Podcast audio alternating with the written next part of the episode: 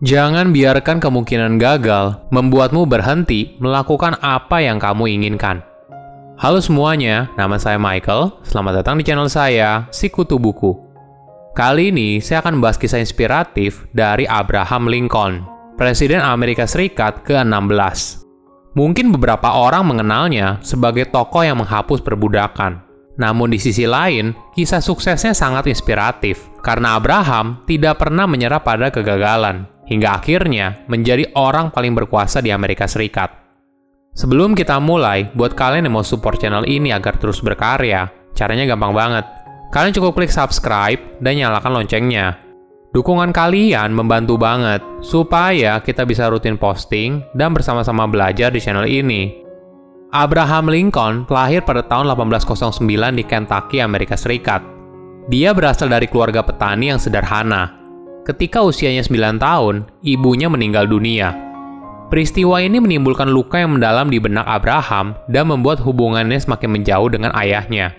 Dia juga diam-diam kesal dengan tuntutan kerja keras yang harus dia kerjakan sejak kecil. Pada tahun 1817, keluarganya terpaksa harus pindah dari Kentucky ke Indiana akibat kasus sengketa tanah. Di lingkungan yang baru, keluarga mereka terpaksa tinggal ilegal di tanah umum untuk mencari nafkah di tempat penampungan yang sederhana. Ayahnya lalu berburu dan bertani di sebidang tanah kecil, hingga akhirnya mampu membeli tanah tersebut. Meskipun kedua orang tuanya kemungkinan besar buta huruf, istri baru ayahnya mendorong Abraham untuk membaca. Namun sayangnya, buku sangat terbatas pada masa itu.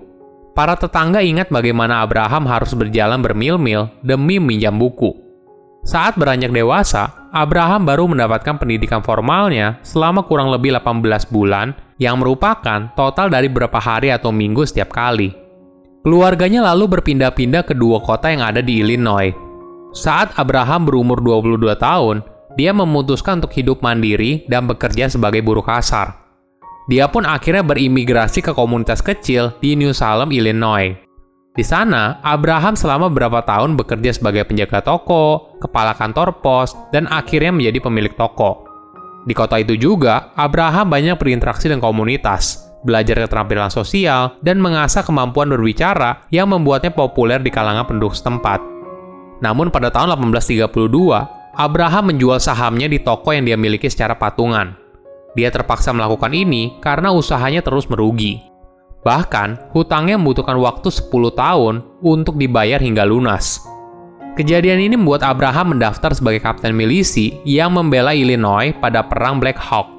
Sebagai informasi, Perang Black Hawk adalah konflik yang terjadi antara Amerika Serikat dan suku asli Amerika yang dipimpin oleh seorang kepala suku Sauk yang disebut sebagai Black Hawk. Konflik ini dipicu karena suku asli Amerika itu merasa ditipu atas perjanjian tanah yang baru dibuat. Selama perang, Abraham tidak melihat pertempuran secara langsung. Namun pemandangan medan perang yang dipenuhi oleh mayat sangat berbekas di dalam benaknya. Sebagai kapten, Abraham juga dikenal sebagai orang yang punya integritas tinggi. Suatu hari, dia menghentikan anak buahnya sebelum mereka mengeksekusi suku asli Amerika yang berkeliaran sebagai mata-mata. Bahkan, Abraham sampai berdiri di depan suku asli Amerika yang ketakutan untuk melindunginya.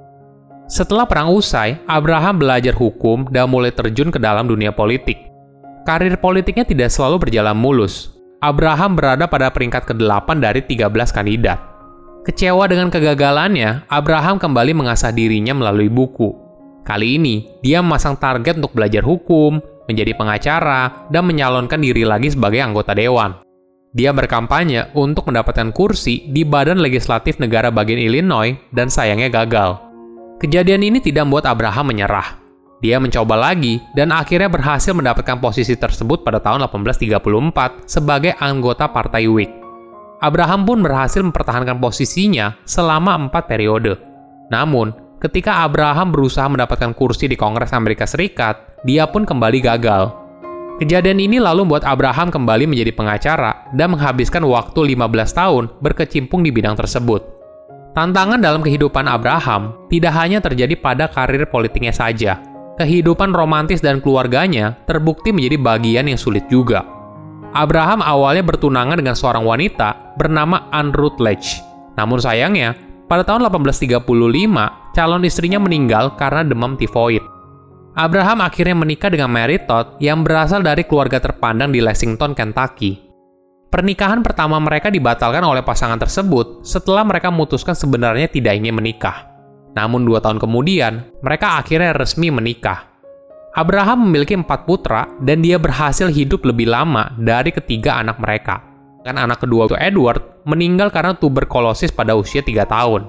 Putra ketiga dua William meninggal pada usia 11 tahun. Putra keempatnya yaitu Thomas meninggal saat berusia 18 tahun karena gagal jantung.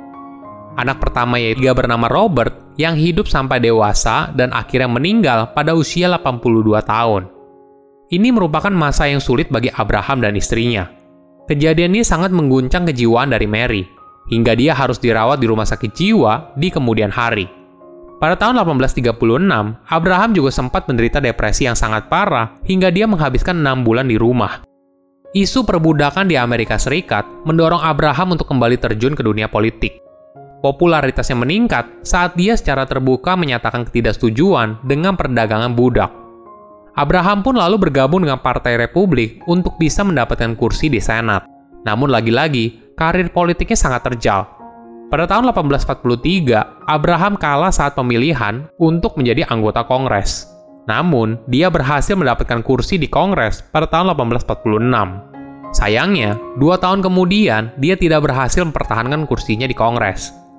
Kegagalan Abraham berikutnya yaitu saat pemilihan sebagai anggota Senat pada tahun 1854 dan nominasi untuk wakil presiden pada tahun 1856. Tidak sampai di situ, Abraham pun lagi-lagi kalah dalam pemilihan anggota Senat pada tahun 1858. Namun dua tahun kemudian, akhirnya dia berhasil menjadi orang nomor satu di Amerika Serikat.